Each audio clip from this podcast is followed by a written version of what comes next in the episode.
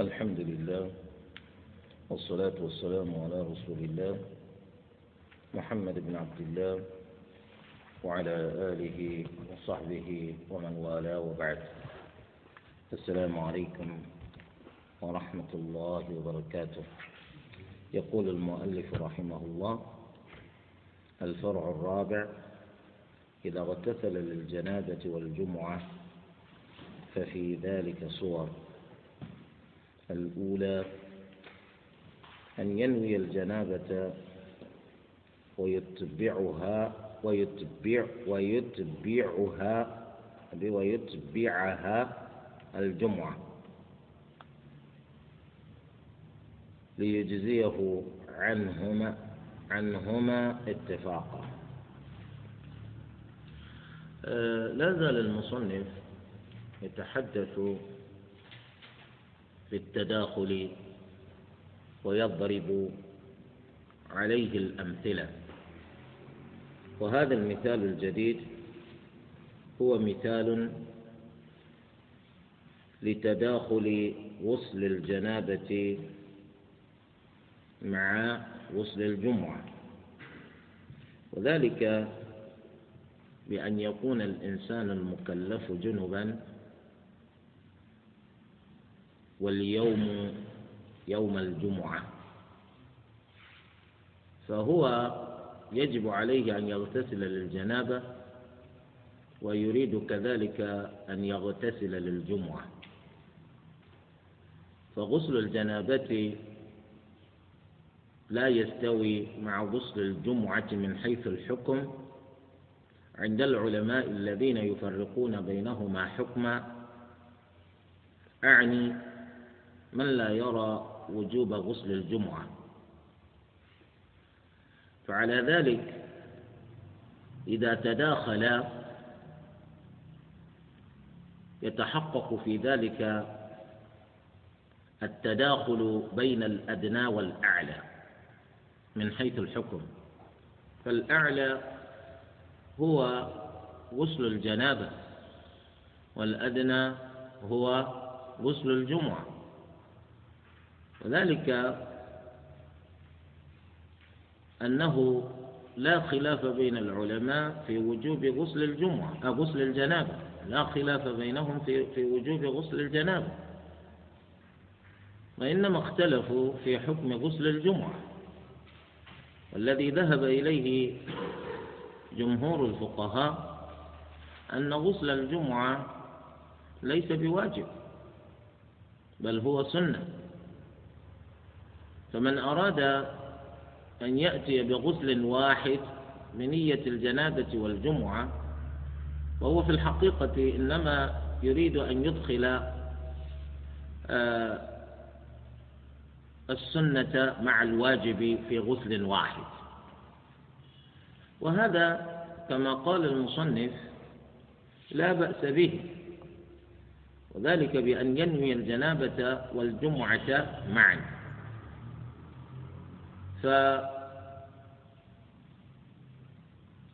فدخول الأدنى في الأعلى لا ضير في ذلك. دخول الأدنى في الأعلى لا ضير في ذلك. فغسل الجمعة دون غسل الجنابة في الحكم فيتداخلان. لا سيما وأن المقصود من غسل الجنابة رفع الحدث الأكبر المانع من استباحة العبادة لله تعالى. والمقصود من غسل الجمعة على القول بعدم وجوبه النظافة. ولا منافاة بين المقصودين. لا منافاة بين المقصودين. لا منافاة بين بين الحدث رفع الحدث والنظافة. لا منافاة بين المقصودين. وعلى هذا لو أراد الإنسان أن يدخل غسل الجمعة في غسل الجنابة فإنه يقدم في نيته عازما حين يعزم قلبه على الفعل الذي هو بصدد فعله يقدم نية الجنابة على نية الجمعة. يقدم نية الجنابة على نية الجمعة. وذلك لأن متابعة الأدنى للأعلى أيسر ومقبول من متابعة الأعلى للأدنى.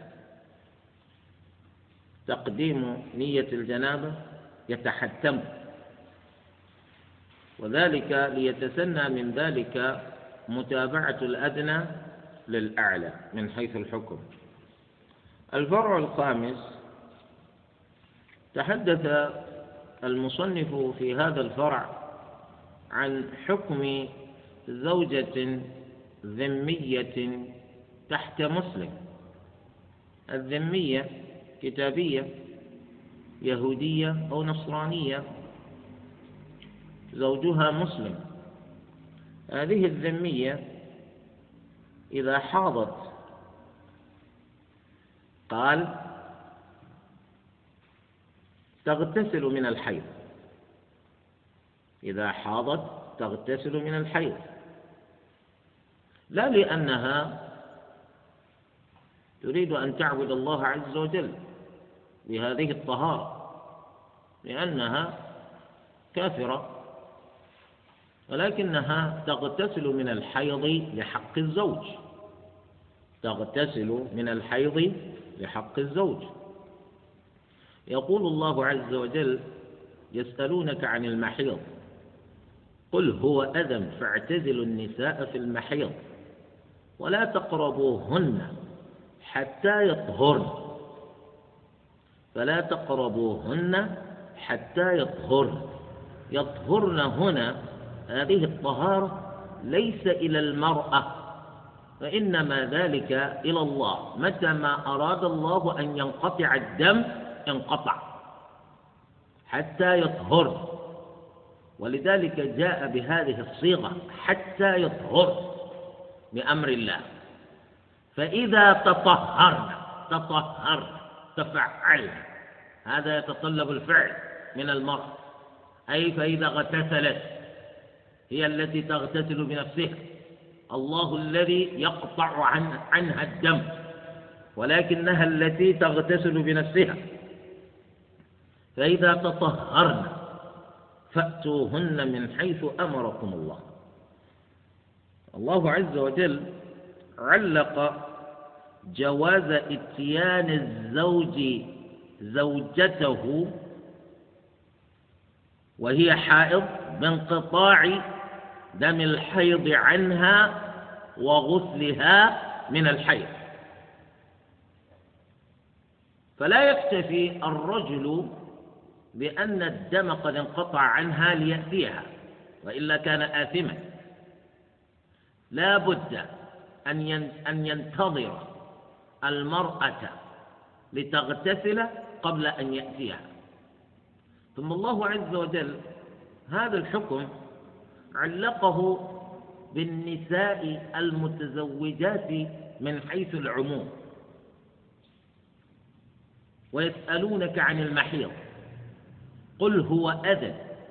فاعتزلوا النساء. فاعتزلوا النساء. هذا مطلق. فاعتزلوا النساء. هذا مطلق. نكرة في سياق الإثبات. فمطلق. هذا المطلق يشمل المسلمة وغير مسلمة بشرط أن تكون متزوجة من مسلم لأن الله عز وجل يقول آه ويسألونك عن المحيض قل هو أذى فاعتزلوا النساء فاعتزلوا أيها المسلمون النساء في المحيض. ولا تقربوهن حتى يطهرن فإذا تطهرن فأتوهن من حيث أمركم الله. ثم الله عز وجل بعد ذلك قال قولا يزيل اللبس نساؤكم نساؤكم أيها المسلمون. إذا سواء كانت المرأة التي تزوجت بها مسلمة أو كانت ذمية فإنه لا يحل لك أن تأتيها بعد انقطاع دم الحيض عنها قبل أن تغتسل. قبل أن تغتسل. أي أيا كان دين تلك المرأة سواء أكانت مسلمة أم أم كتابية. فبهذا أنت تأمر زوجتك الذمية بأن تغتسل من الحيض. وذلك لحقك. وذلك لحقك. حقك في إتيانها يتعلق بوجوب غسلها من الحيض إذا انقطع عنها دم الحيض. إذا انقطع عنها دم الحيض. هذا هو. مثل ما إذا تزوج الإنسان بذمية ومات عن تلك الذمية؟ فإن تلك الذمية تعتد عدة الوفاة وإن كانت كافرة تعتد عدة الوفاة وإن كانت ذمية والذمية بمعنى كافرة من أهل الكتاب. الله عز وجل يقول والذين يتوفون منكم ويذرون أزواجا ويذرون أزواجا أي أزواج ممن أباح الله لكم الزواج منهن مسلمات أو كتابيات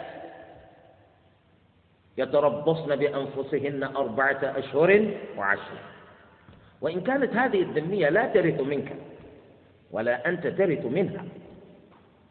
تحقيقا لقول النبي صلى الله عليه وآله وسلم لا يرث المسلم الكافر ولا الكافر المسلم. ومع ذلك فإنها تعتد عدة الوفاة. كذلك هنا هذه المرأة ذمية غير مسلمة حاضر وانقطع عنها دم الحيض وأنت زوجها أنت مسلم. أنت تجبرها بأن تغتسل لحقك أنت ولو اختلفت الصورة بأن تزوج ذمي ذمية تزوج كافرا كافرا أيجوز لذلك الكافر أن يجبر الكافرة زوجته بأن تغتسل من الحيض تغتسل من ماذا؟ بأي حكم؟ لأنه ليس بعد الكفر ذنب وهذه وإن كانت كافرة إنما تغتسل لحقك أنت أيها المسلم. لحقك لا لحقها. إنما تغتسل لحقك لا لحقها. لكن يقول بعض الفقهاء لماذا؟ لماذا يجب على هذه الذمية أن تغتسل من الحيض وهي كافرة لا نية لها. الكفار لا نية لهم. لأن النية عبادة من العبادات. ومن شروط صحة العبادات الإسلام. والذمية كافرة. فهي ليست من أهل النيات. فكيف تغتسل؟ هل تنوي أو لا تنوي؟ بالاتفاق النية لا تصح من الكافرة. وكيف يكون الغسل من الحيض غسلا من الحيض إذا جرد عن النية؟ بهذا قال أولئك الفقهاء بأن المرأة هذه لا تغتسل لأنها ليست من أهل النيات. مثل ما قالوا في الزكاة من مال الصبي والزكاة من مال المجنون الصبي المسلم والمجنون المسلم. يعني كلاهما غير. والزكاة إنما يتعلق وجوبها بالمال. والمال هذا بصرف النظر عن مالكه لكن بشرط أن يكون مسلما. المعتوه المجنون هو الذي يملك المال. والصبي غير البالغ هو الذي يملك المال. بأي وسيلة من الوسائل المشروعة. سواء أكان ذلك إرثا أو هبة أو غير ذلك. الجمهور من الفقهاء يقولون تجب الزكاة في مال الصبي كما تجب الزكاة في مال المجنون. والإمام أبو حنيفة رحمه الله يقول لا تجب الزكاة في مالهما لأنهما ليسا من أهل النية. الصبي ماذا ينوي؟ والمجنون ماذا ينوي؟ ليس من أهل النية. فإن قلتم يزكى مال الصبي والمجنون قياسا على الإحجاج بالصبي. قياسا على الإحجاج بالصبي الحج بالصبي. فيقول الإمام أبو حنيفة هذا قياس مع الفارق وذلك لأن الحج بالصبي ليس واجبا. بخلاف إخراج الزكاة من ماله فلا يخرج زكاة فلا تخرج زكاة إلا على سبيل الوجوب. ومتى كانت عبادة واجبة احتاجت إلى النية. أما حج الصبي فإنما يحج به على سبيل التمرين. والزكاة لا تخرج من مال الصبي والمجنون على سبيل التمرين إنما على سبيل أداء الواجب الفرض. وما عهدنا في الشريعة أن الشريعة تبيح لنا في باب من الأبواب أن ننوي عن الغير كيف تنوي عن الغير إنما الأعمال بالنيات. إذا إنما الأعمال بالنيات العامل هو الذي يأتي بالنية. لكن العلماء هؤلاء يقولون الزكاة عبادة واجبة وهي عبادة تتعلق بالمال فتجب في مال الصبي والمجنون فتجب في مال الصبي والمجنون.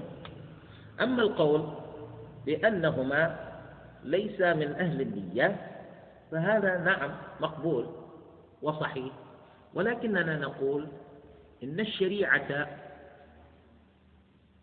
تقررت على أن الميسور لا يسقط بالمعصور الميسور لا يسقط بالمعصور أي باستطاعتنا أن نستخرج الزكاة هذه. وليس باستطاعتنا أن نجعل الصبي ينوي. وليس باستطاعتنا أن نجعل المجنون ينوي. فهذا الذي هو ميسور وهو إخراج الزكاة لوجود المال نصابا لا يسقط من أجل هذا الذي لا سبيل لنا إليه. فهمتم؟ إذا كذلك هنا. المرأة وإن لم تكن صاحبة النية وهي ذمية إلا أنها تجبر بأن تغتسل من الحيض لحق الزوج لحق الزوج. كيف يكون ذلك الغسل؟ غسلا من الحيض. إذا جرد عن النية فنقول أما في حقها فنعم أما في حق غيرها فلا. لعموم قول الله عز وجل فلا تقربوهن حتى يطهرن. فإذا تطهرن لعموم هذه الآية لعموم هذه الآية. ثم ويجبرها الزوج أو السيد على الغسل الزوج فيما إذا كانت الكتابية هذه محصنة لأن كانت حرة والسيد بأن كانت الذمية هذه أمة رقيقة. فإن سيدها الذي يتسرى بها يجامعها يجبرها على الغسل لحقه هو. يعني حتى لا تكون أنت قد ارتكبت محظورة إذا أنت جامعتها ولما تغتسل من الحيض. إذا جامعتها ولما تغتسل من الحيض تكون بذلك قد ارتكبت محظورا.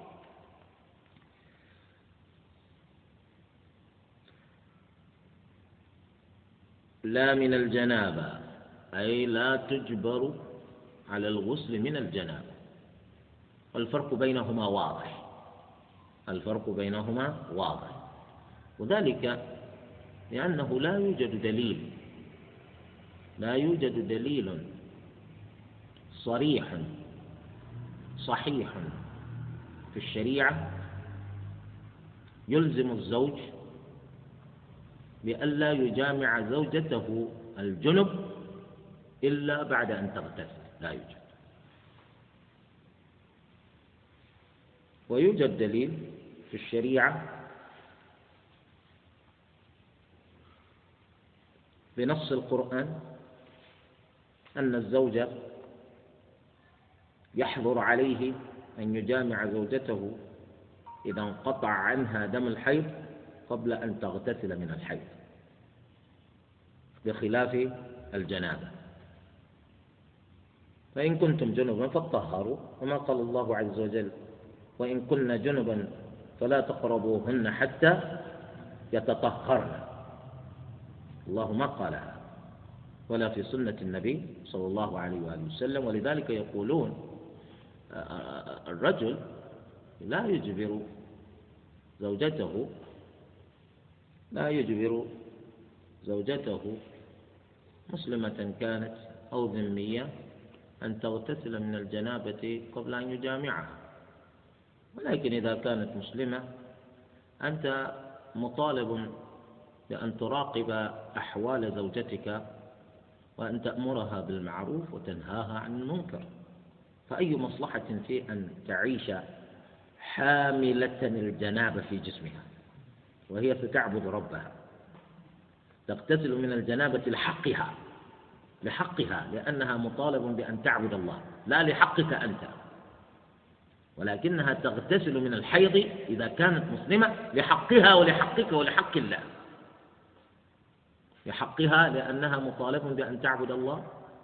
ولحق الله لأن الله أمرها أن تغتسل ولحق الزوج لأن الزوج مطالب بألا يقترب من زوجته إذا انقطع عنها دم الحيض قبل أن تغتسل.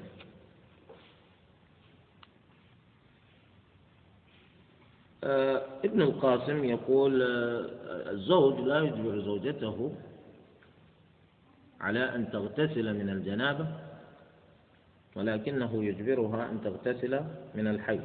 وهذا مما نسميه نسميه بالفروق الفقهية. يقولون مثلا يجبر الرجل زوجته الذمية بالاغتسال من الحيض ولا يجبرها بالاغتسال من الجنابة.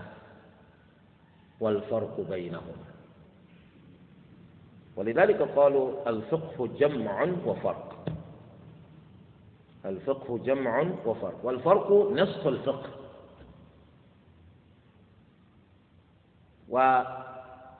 وبعلم فروق الفقهية يتحقق للطالب فهم حقيقة شرعية وهي أن الشريعة مبناها على الجمع بين المتشابهات والتفريق بين المختلفات.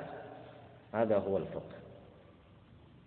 أن تجمع بين المتشابهات بأن تعطي المتشابهات حكما واحدا. وتفرق بين المختلفات فتعطي كل واحدة منها حكما مغايرا للحكم الذي تنيط بالمسألة الأخرى المخالفة. فلذلك قالوا الفقه جمع وفرق. الفقه جمع وفرق. وقال أشهب وهو أحد تلامذة الإمام مالك يقول لا يجبرها لا يجبرها على الغسل من الحيض. لماذا؟ لأنها ليست صاحبة النية. ليست من أهل النية والغسل من الحيض يتطلب النية والمرأة هذه ليست من أهل النية فكيف تجبرها على فعل لا يمكن وقوعه منها لخلوه عن النية؟ لخلوه عن النية. وتلاحظون أن الإنسان الذي يمارس الفقه ويمارسه ممارسة صحيحة فإنه يكون أبعد ما يكون إلى النزاعات الفارغة. يكون أبعد ما يكون من النزاعات الفارغة والخصومات والخصومات التي لا معنى لها. لأنك بممارستك الفقه ستقف على أشياء تنير لك السبيل. وتوسع إدراكك وفهمك وصدرك. تعلم أن العلماء دأبوا في كثير من المسائل أن يختلفوا.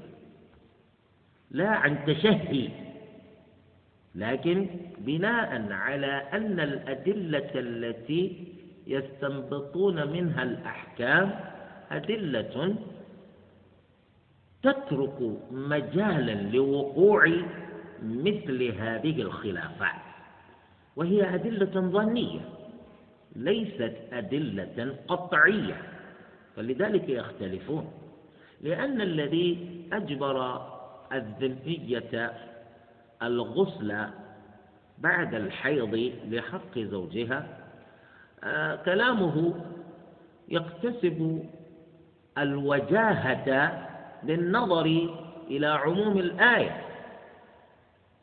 بالنظر إلى عموم الآية. فلا تقربوهن حتى يطهرن. فإذا تطهرن. ولا يوجد دليل. أخرج الذمية. وربنا قد أباح للمسلم أن يتزوج من مؤمنة ومن أهل الكتاب الذين هم قبلنا. فإذا تزوج الإنسان بذمية فهي تغتسل كما تغتسل المسلم لعموم هذه الآية. فالآية ظنية الدلالة في حق الذمية وإن كانت قطعية الدلالة في حق المسلمة. المسلمة لا غبار على أنها تغتسل بعد الحيض وإنما الإشكال في ذمية. هل تغتسل كما تغتسل المسلمة؟ هنا الخلاف. فلذلك العالم الذي تشبث بمثل هذه الآية يقول عموم هذه الآية. الآية تدل بعمومها على ألا فرق بين ذمية ومسلمة. في وجوب الغسل من الحيض بعد انقطاع دم الحيض. وأشهب ومن نحى نحوه من العلماء يقولون نعم الآية وإن أتت بما يفيد بظاهره على أن النساء الزوجات للمسلمين مسلمات كن أو أو ذميات يغتسلن بعد انقطاع دم الحيض يعتريه قادح في حق الذمية أن الغسل من الحيض هذا عبادة تحتاج إلى النية والذمية ليست من أهل النية فلذلك أسقطنا عنها وجوب هذا الغسل. فهو دليله أيضا يحتمل أن يكون صوابا. ودليل ذاك أيضا يحتمل أن يكون صوابا ولذلك ابن رشد في كتابه بداية المجتهد أشار إلى أن العلماء الفقهاء على وجه الخصوص إنما اختلفوا فيما اختلفوا فيه من الأدلة آه، من المسائل الفقهية لأن الأدلة هي التي اقتضت ذلك ولا يختلفون أبدا عن هوى أو تشهي. لا يختلفون عن هوى ولا عن تشهي وإنما الأدلة هي التي تفضي إلى وقوع مثل مثل إلى وقوع مثل تلك الخلافات. هذا هو. ثم قال الباب الرابع في موجبات الغسل أي الأشياء التي توجب على الإنسان الغسل في الشريعة الإسلامية. الأشياء التي توجب على الإنسان الغسل في الشريعة الإسلامية. والمراد بالغسل هنا الغسل الشرعي لا الغسل العادي. الغسل الذي تأتي به على سبيل العادة هذا إنما يأتي الإنسان به بغية أن بغية أن ينظف جسده من الدرن ومن الأوساخ ومن الروائح الكريهة.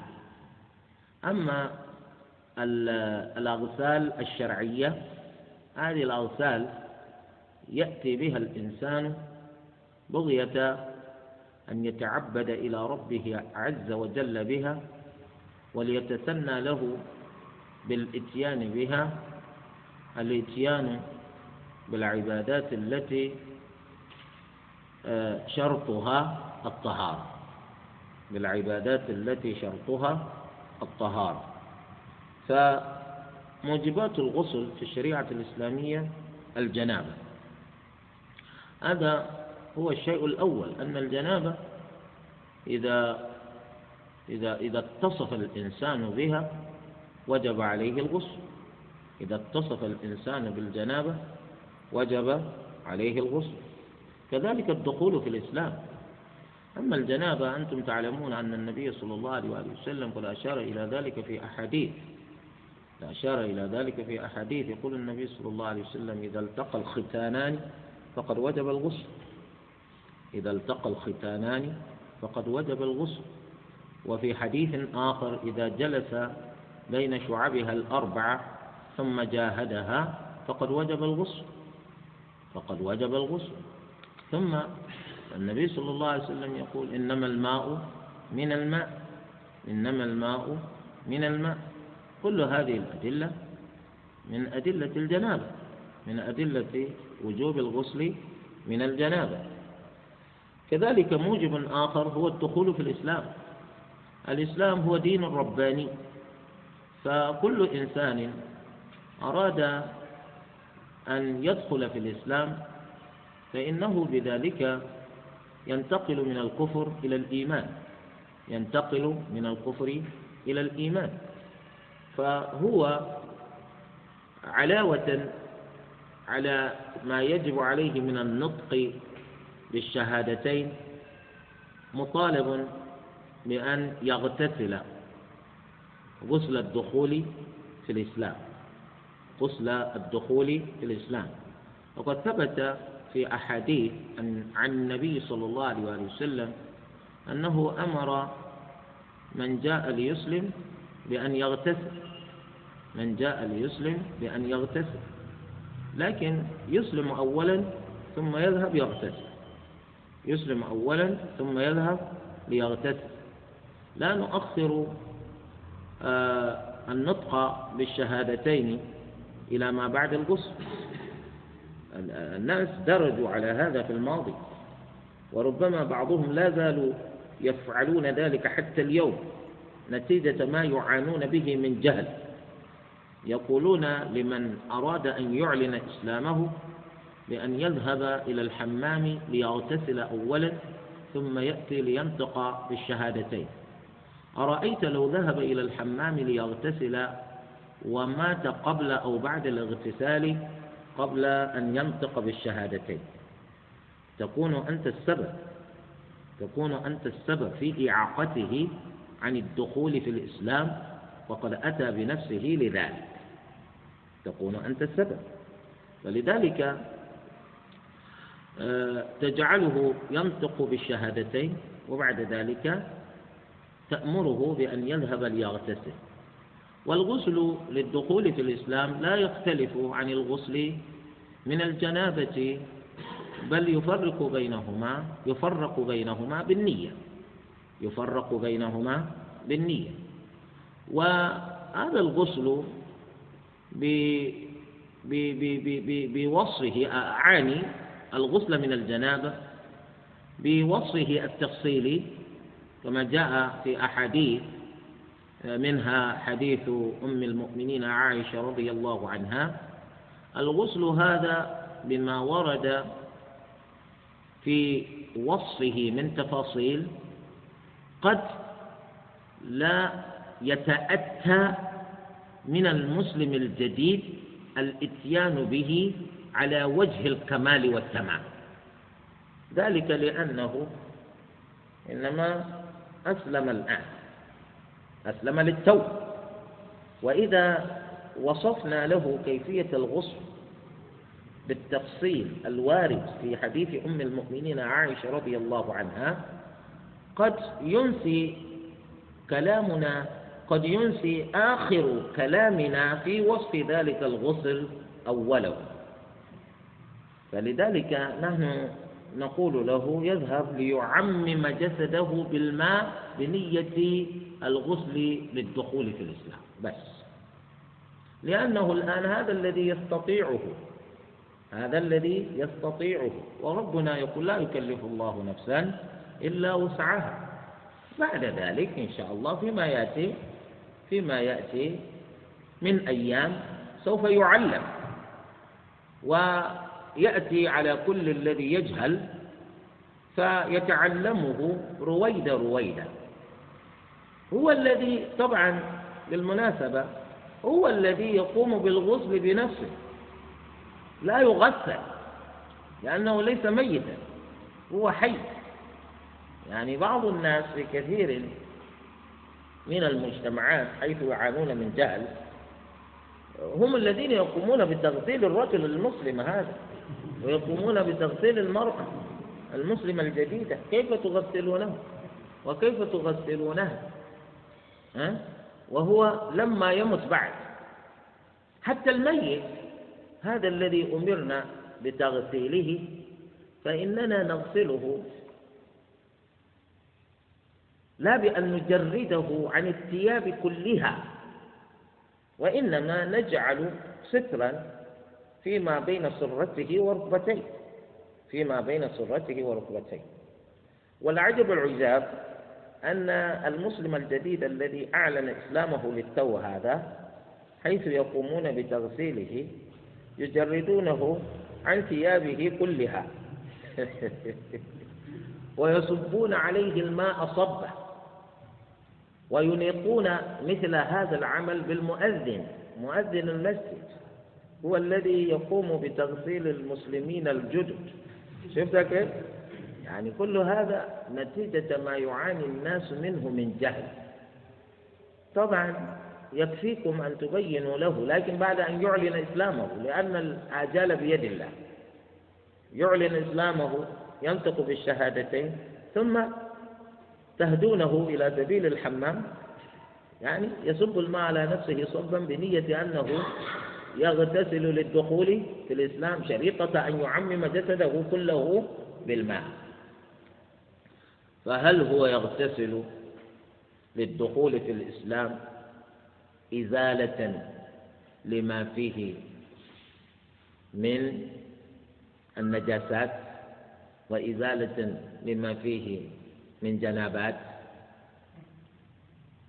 أو لماذا؟ لأنهم يقولون الكافر جنابة وأكثر.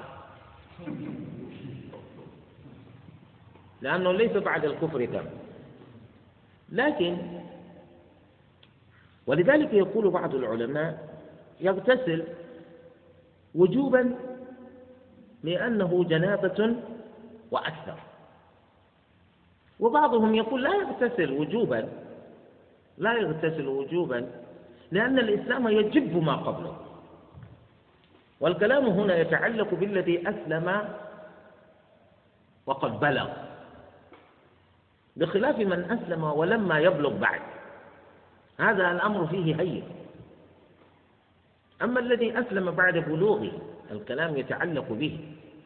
هل يغتسل لأن به جنابة؟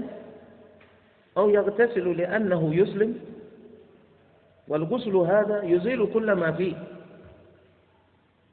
الصواب أنه يغتسل لأمر النبي صلى الله عليه وآله وسلم من أسلم جديدا بذلك. يغتسل لأمر النبي صلى الله عليه وآله وسلم من أسلم جديدا بذلك. وكذلك مما يوجب الغسل انقطاع دم الحيض. إذا انقطع دم الحيض عن المرأة فإنها تغتسل بنص القرآن فلا تقربوهن حتى يطهر هذا يتعلق بالدم. فإذا تطهرن هذا يتعلق بالغسل. فأتوهن من حيث أمركم الله. وهذا حكم معلق بالشرط. هذا حكم معلق بالشرط. فيدور الحكم مع الشرط وجوبا وعدما. اغتسلت الحائض جاز لزوجها أن يأتيها.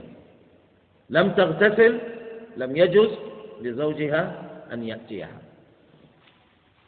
كذلك النفاس لأن القول في النفاس كالقول في الحيض. القول في النفاس كالقول في الحيض. ولذلك أنتم تجدون أن ربنا عز وجل ذكر ما يتعلق بالحيض في القرآن وسكت عن النفاس وفي أحاديث النبي صلى الله عليه وآله وسلم وردت أكثر الأحاديث بالقول فيما يتعلق بالأحكام الشرعية المتعلقة بالحيض دون النفاس. فعلمنا بذلك أن القول في النفاس كالقول في الحيض. إذ لا وجود لفرق كبير بين الحيض والنفاس. وإن كان دم الحيض دم يخرج من قبل المرأة شهريا لا بسبب الولادة ولا بسبب المرض. لا بسبب الولادة ولا بسبب المرض. بخلاف النفاس. فهو فهو دم يخرج من قبل المرأة بسبب الولادة. فاختلاف السبب لا يفضي إلى اختلاف في كثير من الأحكام. اختلاف السبب لا يفضي إلى خلاف في كثير من الأحكام. فكما نقول في الحائض إذا انقطع عنها دم الحيض وجب عليها الغسل كذلك نقول في النفساء إذا انقطع عنها الدم وجب عليها الغسل. وكما نقول في الحائض إذا كانت حائضا لا تصلي ولا تصوم كذلك نقول في النفساء لا تصلي ولا تصوم. وعلى قول بعض الفقهاء وهم وهم الجمهور الحيض يمنع من مس المصحف كذلك النفاس ويمنع من المكث في المسجد كذلك النفاس ويمنع من قراءة القرآن كذلك النفاس إلا ما تتعوذ به كآية أو آيتين على قول الإمام مالك. فهكذا. فنقول القول في النفاس كالقول في الحيض. وسيأتي في بابه أن يأتي الحديث عن الحيض والنفاس في بابهما. ثم رجع المصنف إلى حيث بدأ. فهو لما بدأ الحديث عن موجبات الغسل ذكر الجنابة أولا. ثم قال فأما الجنابة. ربما يوجد شيء آخر يوجب الغسل في الشريعة الإسلامية وهو الموت. الموت يعني الميت يجب غسله يجب غسل الميت. وإن كان بعض الفقهاء لا يرون وجوب غسل الميت. والصواب أنه يجب غسل الميت. لأن النبي صلى الله عليه وآله وسلم قال كما جاء في حديث أم عطية للنساء اللائي يقمن بغسل بنت للنبي صلى الله عليه وسلم توفيت دخل النبي صلى الله عليه وسلم عليهن فقال أغسلنها ثلاثا. أو خمسا أو أكثر من ذلك إذا رأيتن ذلك. الشاهد هنا اغسلنها اغسلنها هذا أمر. والأمر المطلق يحمل على الوجوب ما لم يصرفه صارف ولا وجود لصارف. فلذلك يقول العلماء يجب غسل الميت. لو مات إنسان ودفن ونما إلى علمنا أنه دفن من غير غسل. فإننا نستخرجه ونغسله ونكفنه ونصلي عليه ثم يدفن. وذلك لما تبين له أنه دفن قبل أداء ما يجب أداؤه في حقه قبل دفنه وهو الغسل. فإذا غسل نأتي بما بعده تبعا. نأتي بما بعد الغسل تبعا. يقول أما الجنابة فثلاثة أنواع. الإنزال في اليقظة. أي خروج المني من جسد الإنسان وهو يقظان أي غير نائم وهو صح. إذا خرج المني من الإنسان هكذا فإن الغسل قد وجب عليه لأنه بذلك صار جنبا سواء أكان خروج المني منه وهو يقظان بفعله هو أي بتسببه هو أو غير ذلك. إذا تسبب في خروج المني مثلا عالج ذكره بشيء فاستخرج بذلك المني صار جنبا. وإن كان بفعله ذاك إن كان هو الذي قام به استمناء ما يسميه الناس بالعادة السرية. هذا يجعله جنبا ويجعله آثما. لأن ربنا عز وجل يقول في وصف المؤمنين والذين هم لفروجهم حافظون إلا على أزواجهم أو ما ملكت أيمانهم فإنهم غير ملومين. فمن ابتغى وراء ذلك فأولئك هم العادون. فالاستمناء ابتغاء لقضاء الوطر وراء ما أباحه الله فيكون من فعل ذلك آثما. لكنه جلو. كذلك مغيب الحشفة وهو رأس الذكر إلى حد مكان الختان.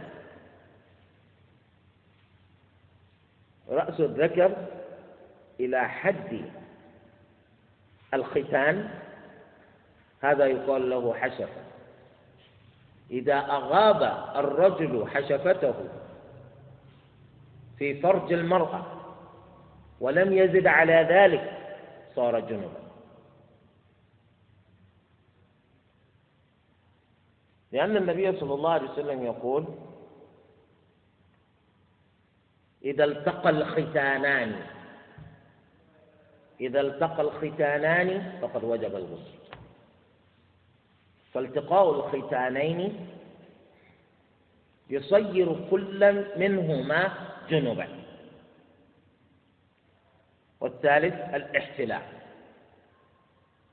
الاحتلام بأن ينام الإنسان ثم يستيقظ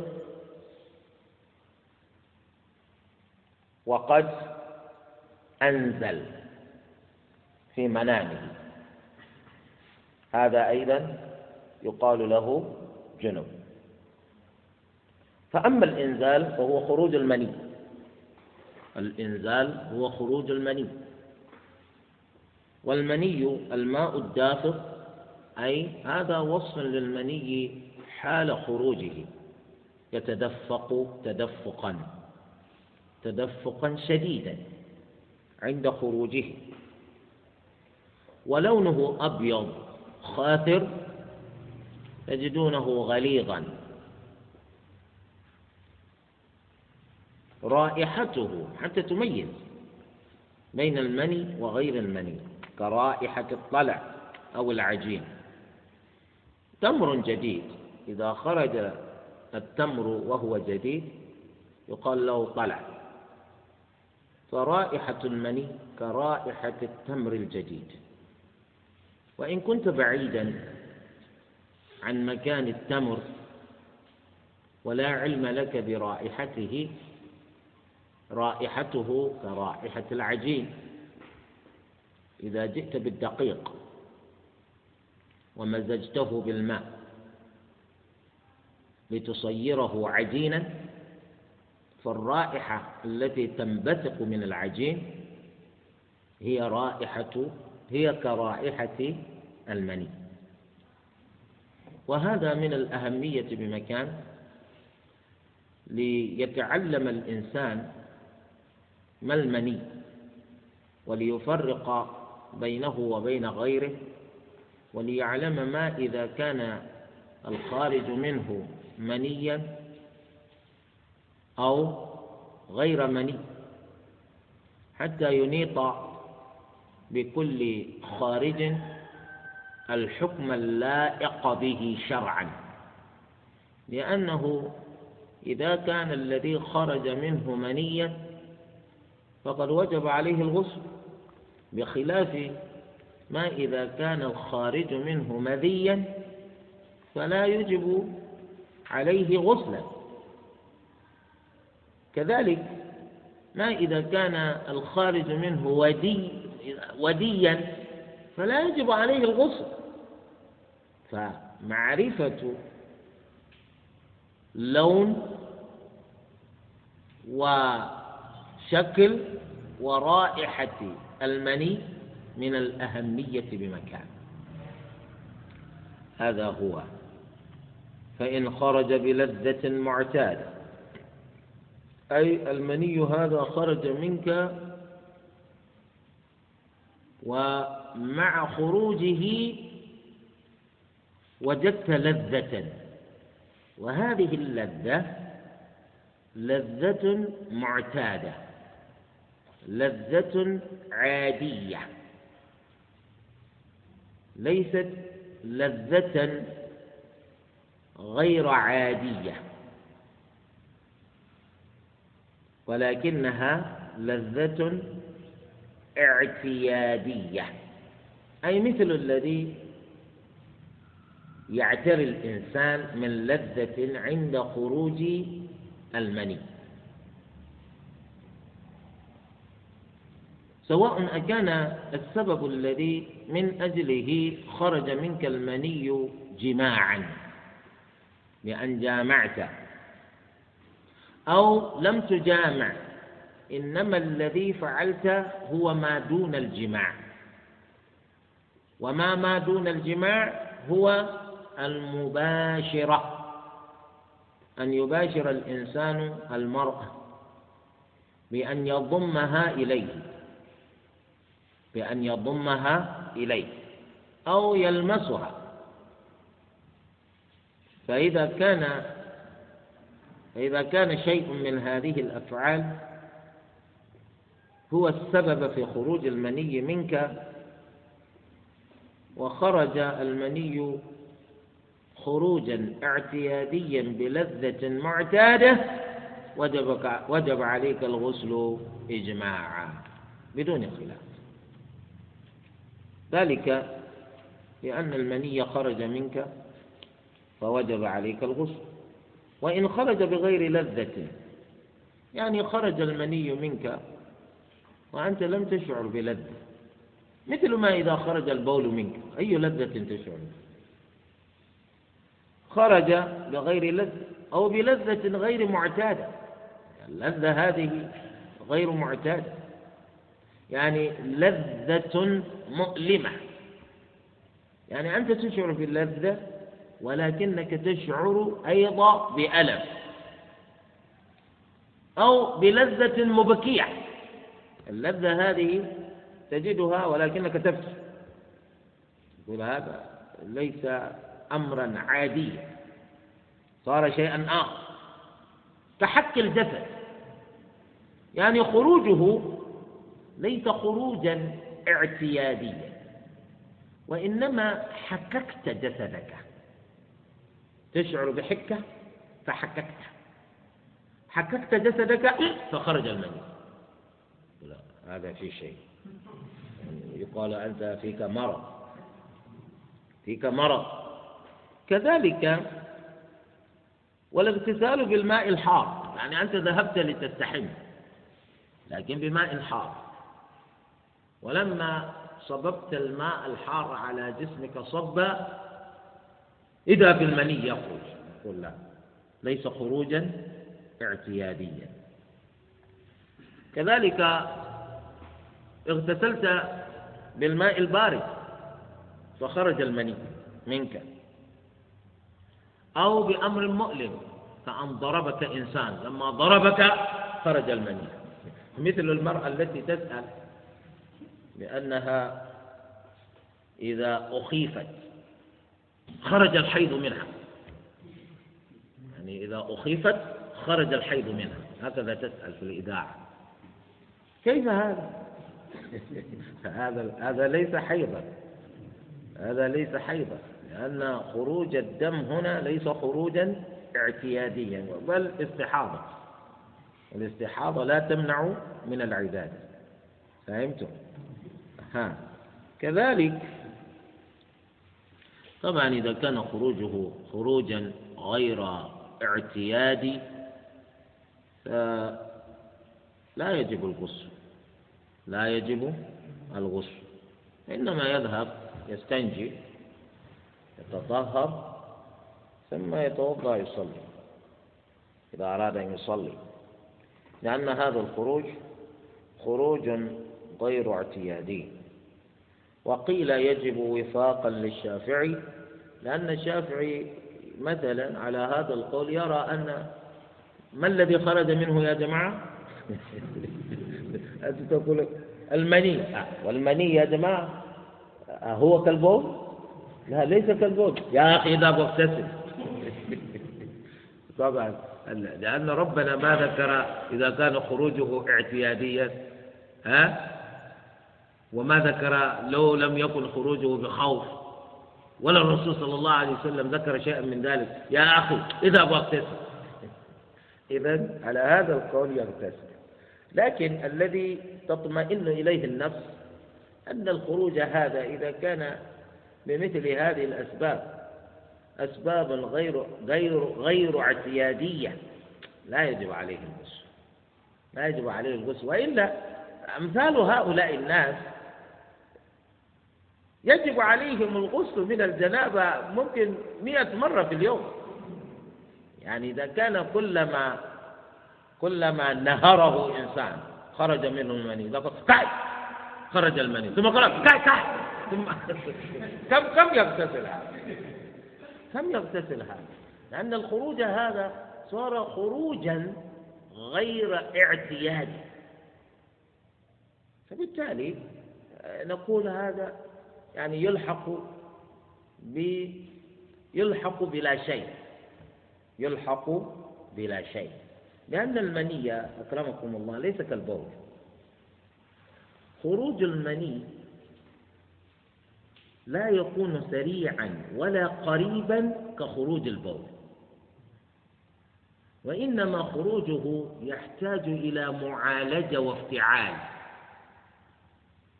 فإذا كان الإنسان بحيث يسرع المني من الخروج منه وبشكل قريب كل مرة نقول هذا صار شيئا آخر. مثل هذا لا يجب الغسل لأن الشريعة تقول آه إذا اتسع الأمر ضاق. إذا اتسع الأمر ضاق. ما دام هذا الإنسان بهذه الكيفية. المني يخرج منه لأتفه الأسباب يضيق الأمر عليه. نقول هذا لا يجب عليه الغسل. إذا اتسع الأمر ضاق.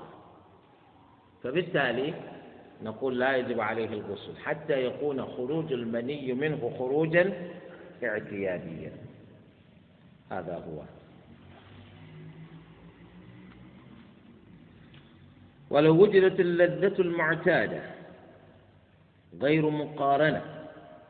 يعني المني خرج ولكنه لم يجد اللذة إلا بعد خروج المني. خرج المني ولا أتت اللذة إلا بعد فراغ المني من الخروج. الآن وجد اللذة أي انفصم الخروج عن اللذة.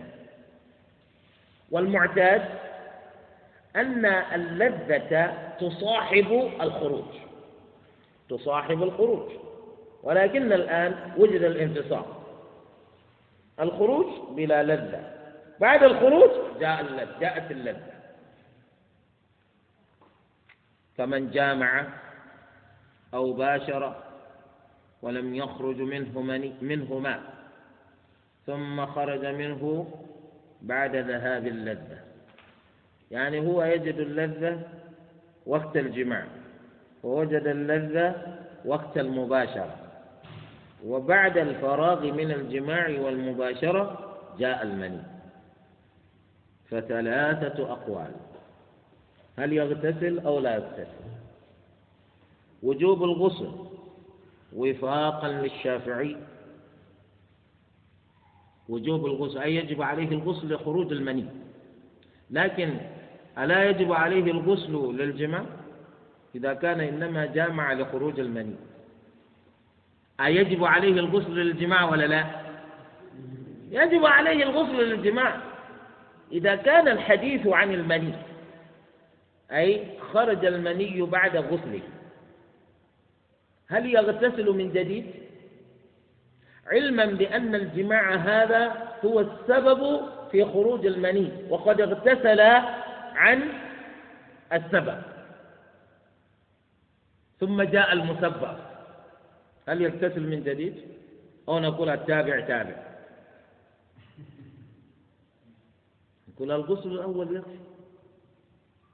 الغسل الأول يكفي. ثانيا باشر ولم ينزل. أيجب الغسل من المباشرة؟ لا يجب. يمشي على سبيله. ثم خرج المني بعد ذلك. يغتسل أو لا يغتسل؟ للمني أو للمباشرة؟ إذا يعني أقوال أحيانا يأتون بها ما ندري. يعني لأنها مسألة واضحة. لكن هم يقولون الآن وجوبا. وجوب الغسل وفاقا للشافعي. أي لو كانوا يتحدثون عن المني إذا خرج بعد الجماع وقد اغتسل الرجل من الجماع أيغتسل من هذا المني الذي خرج متأخرا؟ نقول الصواب أنه لا يغتسل؟ لأنه قد اغتسل من الجنابة. والآن المني كان من المفترض أن يأتي مع الجماع ولكنه تأخر في الخروج. وقد اغتسلنا وانتهى. هذا الذي ينبغي أن يقال. لكن هم يقولون يغتسل كمان أرأيت لو أنه اغتسل؟ اغتسل من الجماع وقد أنزل في ذلك الجماع. وبعد أن اغتسل عاد ليجلس إذا بمني جديد يخرج. يغتسل من جديد؟ لا يغتسل كذلك هنا لو جامع من غير إنزال فاغتسل ثم أنزل فلا يغتسل من جديد لأن الجماع هو الذي تسبب في خروج المني وقد يتأخر المسبب عن السبب. هذا هو. ونفيه. قول آخر يقول لا يغتسل وهو المختار عندنا. أنه لا يغتسل. قد اغتسل من الجنابة لماذا يغتسل؟ من الإنزال بعد الغسل من الجنابة. أما لو باشر ولم ينزل ثم أنزل بعد فترة يجب عليه الغسل. ما في إشكال في ذلك. يجب عليه الغسل لخروج المني لا للمباشرة. والتفرقة بين أن يكون جامع واغتسل واغتسل له. يقولون هذا قول ثالث. القول الأول يغتسل القول الثاني لا يغتسل القول الثالث تفصيل. ما التفصيل؟ أن يكون قد لما جامع اغتسل قبل خروج المني. ثم خرج المني بعد ذلك. هل يعيد الغسل؟ لا يعيد الغسل هذا الصواب. وبين أن يكون لم يغتسل هو لم يغتسل من الجماع حتى أنزل بعد ذلك. يغتسل أو لا يغتسل يغتسل وهو واضح. وحيث قلنا لا يجب الغسل أي إذا قلنا لا يجب الغسل. إذا قلنا متى قال لا يجب الغسل؟ يعني لو أن هذا الإنسان جامع وأنزل. وجب عليه الغسل. جامع ولم ينزل. يقولون يجب عليه الغسل للجماع. ثم أنزل بعد ذلك. قول بأنه يغتسل. قول بأنه لا يغتسل. على القول بأنه لا يغتسل إذا أراد هذا الإنسان أن يصلي وقد توضأ في غسله من الجنابة لما اغتسل من الجنابة لجماعه. وقلنا لا يغتسل الآن لخروج المني. فهمتم؟ الآن تحقق عنده أن المني نزل. فقد اغتسل قبله يريد أن يصلي. هل يفعل وضوءه الذي في غسله من الجنابة؟ أو لا يفعله. خروج المني هذا يبطل وضوءه أو لا يبطله. فهمتم؟ يبطله أو لا يبطله. يقول وحيث قلنا لا يجب الغسل ففي وجوب الوضوء واستحبابه قولان. الصواب أنه إن شاء الله يغتسل وجوبا. يغتسل وجوبا إذا, إذا, إذا لم نوجب عليه غسلا آخر. أوجبنا عليه وضوءا. أوجبنا عليه وضوءا. هذا هو. وأما مغيب الحشف أو قدرها. ولماذا يقول قدرها؟ من يعرف الجواب؟ مغيب الحشف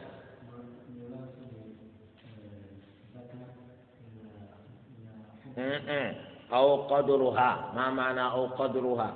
مغيب الحشفة معروف. ما معنى أو قدرها؟ أو قدرها.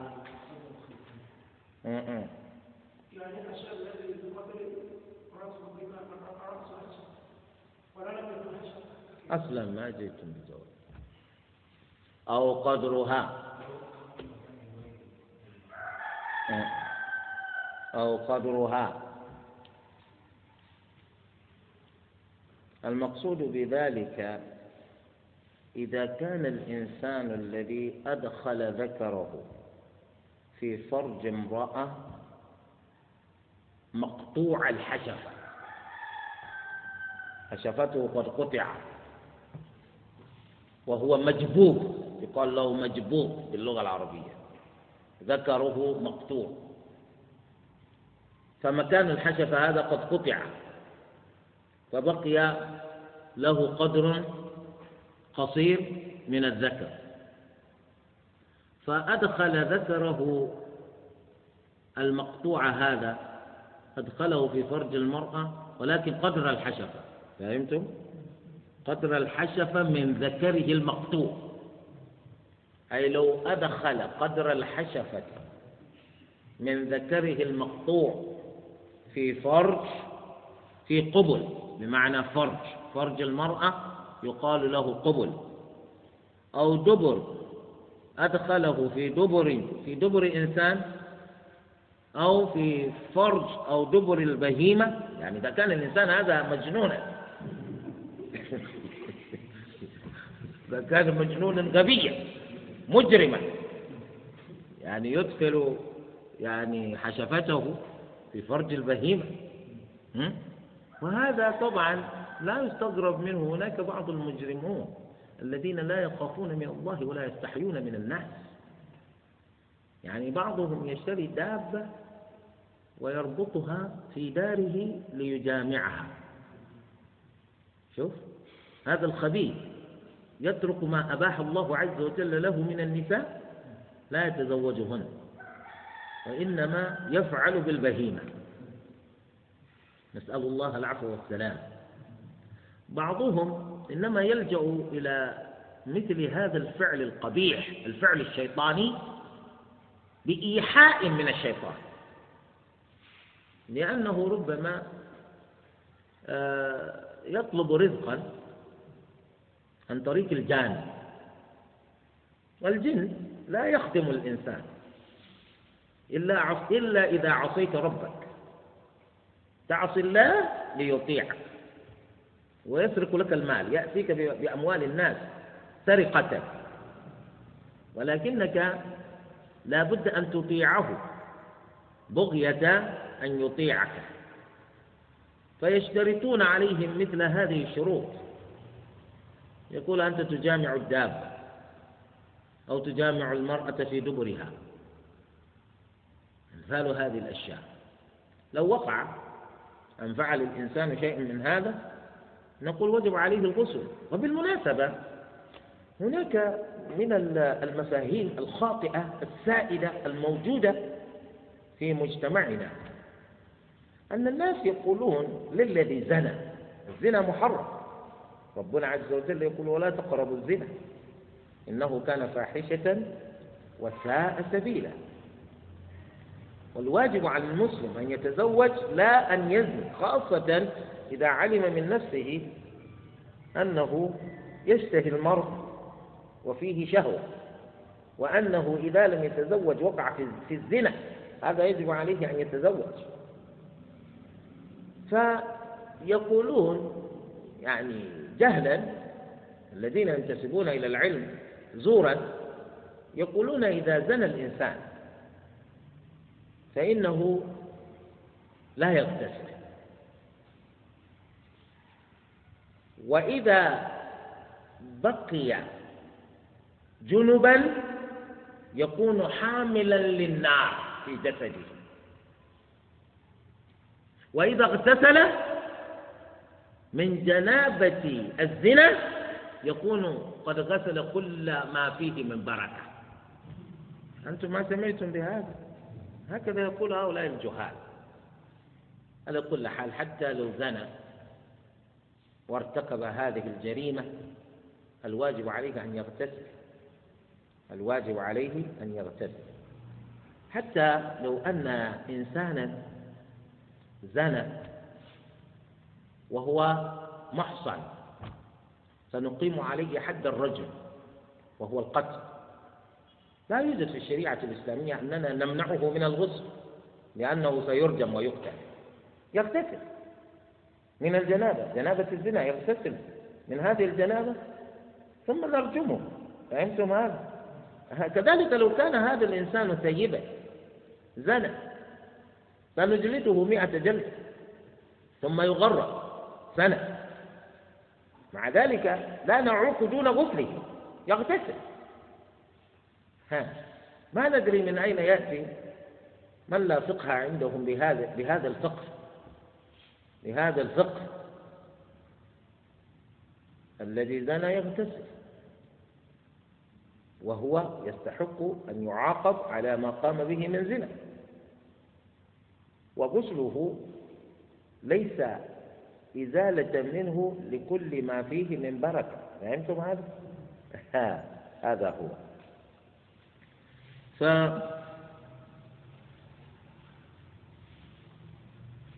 فموجب للغسل وفي بعض المواقع في بعض مواقع الاتصال الاجتماعي أحد من لا حياء عنده. وضع صورة لشاب يجامع حمارا. أعوذ بالله من الشيطان الرجيم. فهذه الصورة هذه المقتطعة من الفيديو بإدخاله في ذلك الموقع تسبب في خروج جل من هم عضو في ذلك الموقع. كلهم خرجوا من ذلك الموقع وتركوه. إذا أنتم بهذه الصورة ما تريدون إلا أن تشيعوا الفاحشة في الناس.